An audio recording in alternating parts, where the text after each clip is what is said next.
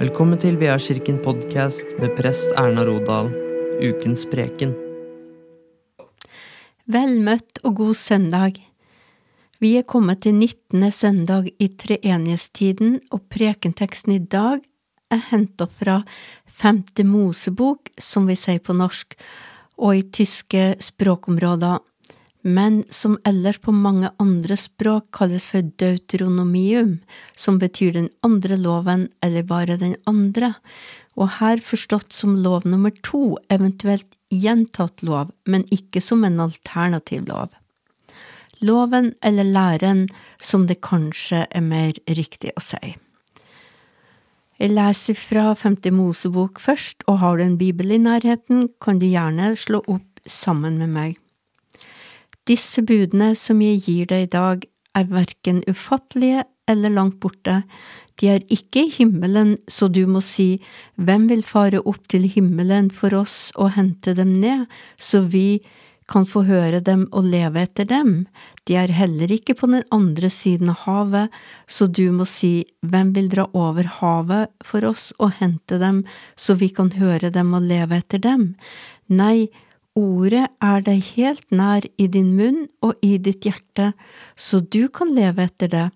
Se, i dag har jeg lagt fram for deg livet og det gode og døden og det onde.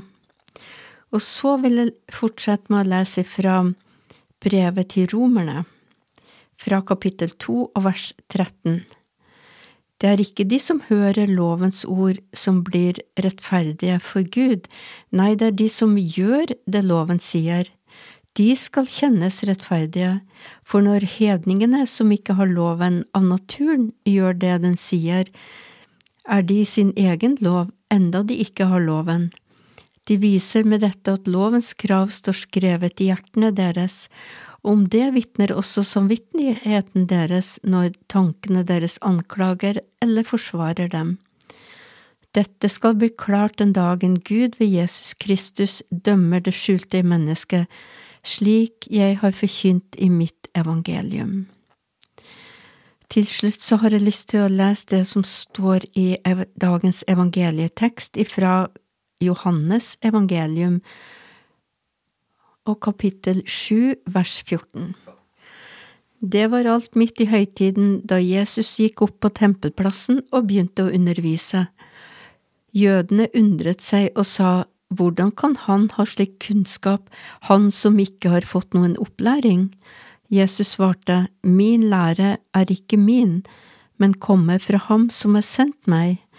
Den som vil gjøre hans vilje, skal skjønne om læren er av Gud, eller om jeg taler ut fra meg selv. Slik lyder det hellige evangelium. I femte Mosebok så begynner det med en tale av Moses der han minner israelittene på hvem de er og hvor de kommer fra, og hva de har vært gjennom på sin vandring gjennom Sinai-ørkenen. Han minner dem på at det var Gud som hadde redda dem, og alt det Gud hadde gjort da han førte dem ut av Egypt under ørkenvandringa, og han minnet dem på loven Gud hadde gitt dem, og pakten Gud hadde oppretta med israelittene. Gud hadde inngått en pakt med israelittene at han ville være deres Gud og være med dem, og gitt dem et løfte om at hvis de holdt loven, så skulle han velsigne dem. Israelittene var nettopp det folket som ble identifisert med det at de hadde en lov de fulgte. Israelittene var kjent som lovens barn. Det bakgrunnen for teksten vår, der Moses forteller folket at de store kravene og forventningene som det var til folket, og som kanskje føltes litt tung og vanskelig, de var ikke likevel så vanskelig, Moses hadde minnet ham på om det faktisk ikke var uoverkommelig. Budene, eller ordet, de var ikke i himmelen sånn at folk måtte dra opp dit for å hente dem ned. De måtte heller ikke dra til andre sida av havet for å hente. Kanskje kan det være en referanse til en antikk egyptisk gudelære? Nei, ordet er deg nær i din munn og i ditt hjerte, så du kan leve etter det. Det at israelittene hadde ordet i sitt hjerte, er et uttrykk for at de hadde memorert på ordet igjen og igjen og igjen, sånn at de fikk det i sitt hjerte, og da var det jo lett å tale det ut med sin munn.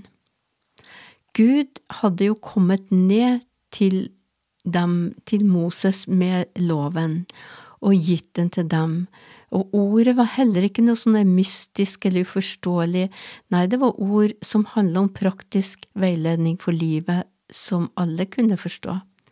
Budene var gitt av Gud, men de var også gitt i den hensikt at de skulle etterleves. Det var det den gamle pakt handla om. Israelittene skulle holde ord eller budet og leve etter det, og Herren skulle være deres Gud og velsigne folket, og ved at folket fulgte loven, så ble de frelst.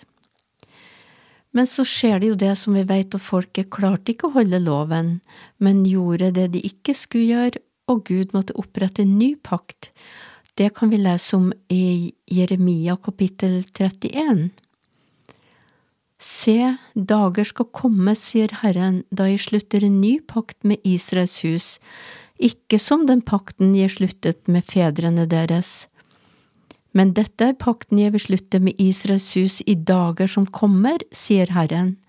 Jeg legger min lov i deres sinn og skriver den i deres hjerte og ved troen på Jesus så får vi Den hellige ånd i våre hjerter, som virker oss sånn at vi vil leve etter Guds ord og Guds bud. Det er den nye pakten og den nye tidsalder som vi lever i, som vi kaller for den nådens tidsalder, et helt annet utgangspunkt enn israelittene hadde i den gamle pakt.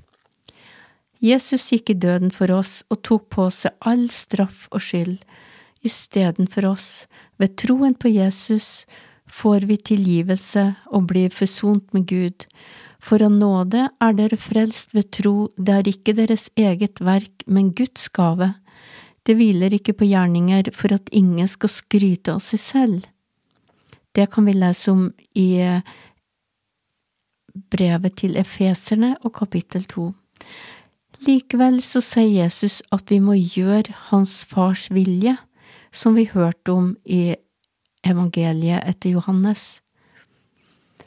Og i Matteus evangelium kapittel fem kan vi lese det Jesus sier i det vi kaller for bergprekenen. Tro ikke at jeg er kommet for å oppheve loven eller profetene. Jeg er ikke kommet for å oppheve, men for å oppfylle.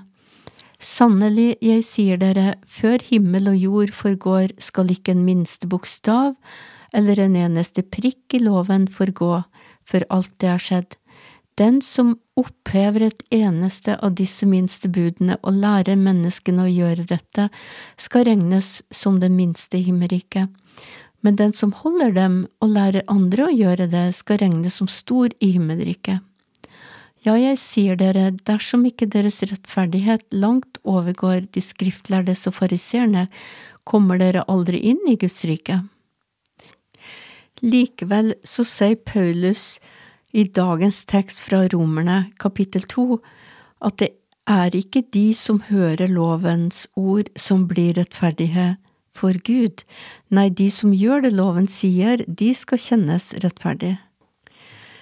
Og hvordan henger det her egentlig sammen? Guds ord er gitt som en rettesnor for livet, og for at vi skal bli bevart hos Gud, og for at vi skal være lys og salt, da må vi også gjøre det ordet sier.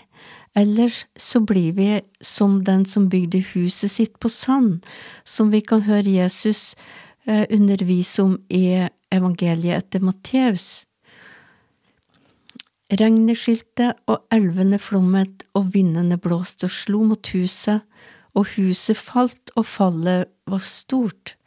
Men den som bygde huset sitt på fjell, der sier Jesus, Regnet skylte og elvene flommet og vindene blåste og slo mot huset, men det falt ikke fordi det var bygd på fjell. Tingen er at for å bli bevart på Guds vei, og for å være lys og salt i verden, så må vi også gjøre det ordet sier, og vi må faktisk øve oss på å gjøre det. og la det bli som en rytme i livet vårt. Det sier Stian Kilde Aarebrot i sin bok Kunsten å forme livet. Gjør vi det ordet sier, vil det forme oss og til sist omgivelsene våre. Du tenker deg ikke fram til en ny måte å leve på, du lever deg frem til en ny måte å tenke på.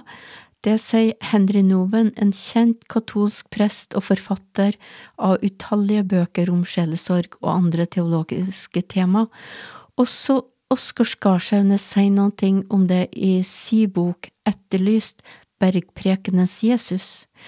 For å bli bevart på Guds vei og modnes i tro, og for å bli forma etter Kristi sinnelag, så handler det om praksis, både sammen i fellesskap og hver for oss, enten det handler om bønn, gudstjeneste, bekjennelse eller et liv inspirert av Jesus, av det Jesus sa og gjorde. Se, i dag har jeg lagt fram for deg livet og det gode, og døden og det onde. Det er valget. Dagens prekentekst fra Femte Mosebok inneholder også et skjult budskap, og det er ofte at tekstene på hebraisk gjør det. I teksten så kan vi òg lese til Guds ære. Så det skjulte budskapet som finnes òg i teksten, når vi litt, går litt i dybden, så står det òg til Guds ære. Og det er jo rimelig at når vi lever etter Guds bud eller Guds lære, så blir det til Guds ære. Ære være Faderen og Sønnen og Den hellige ånd, som var, er og blir en sann Gud fra evighet og til evighet. Amen. Takk for at du lytta til VR-kirkens podkast. Ta imot velsignelsen. Herren velsigne deg og bevare deg.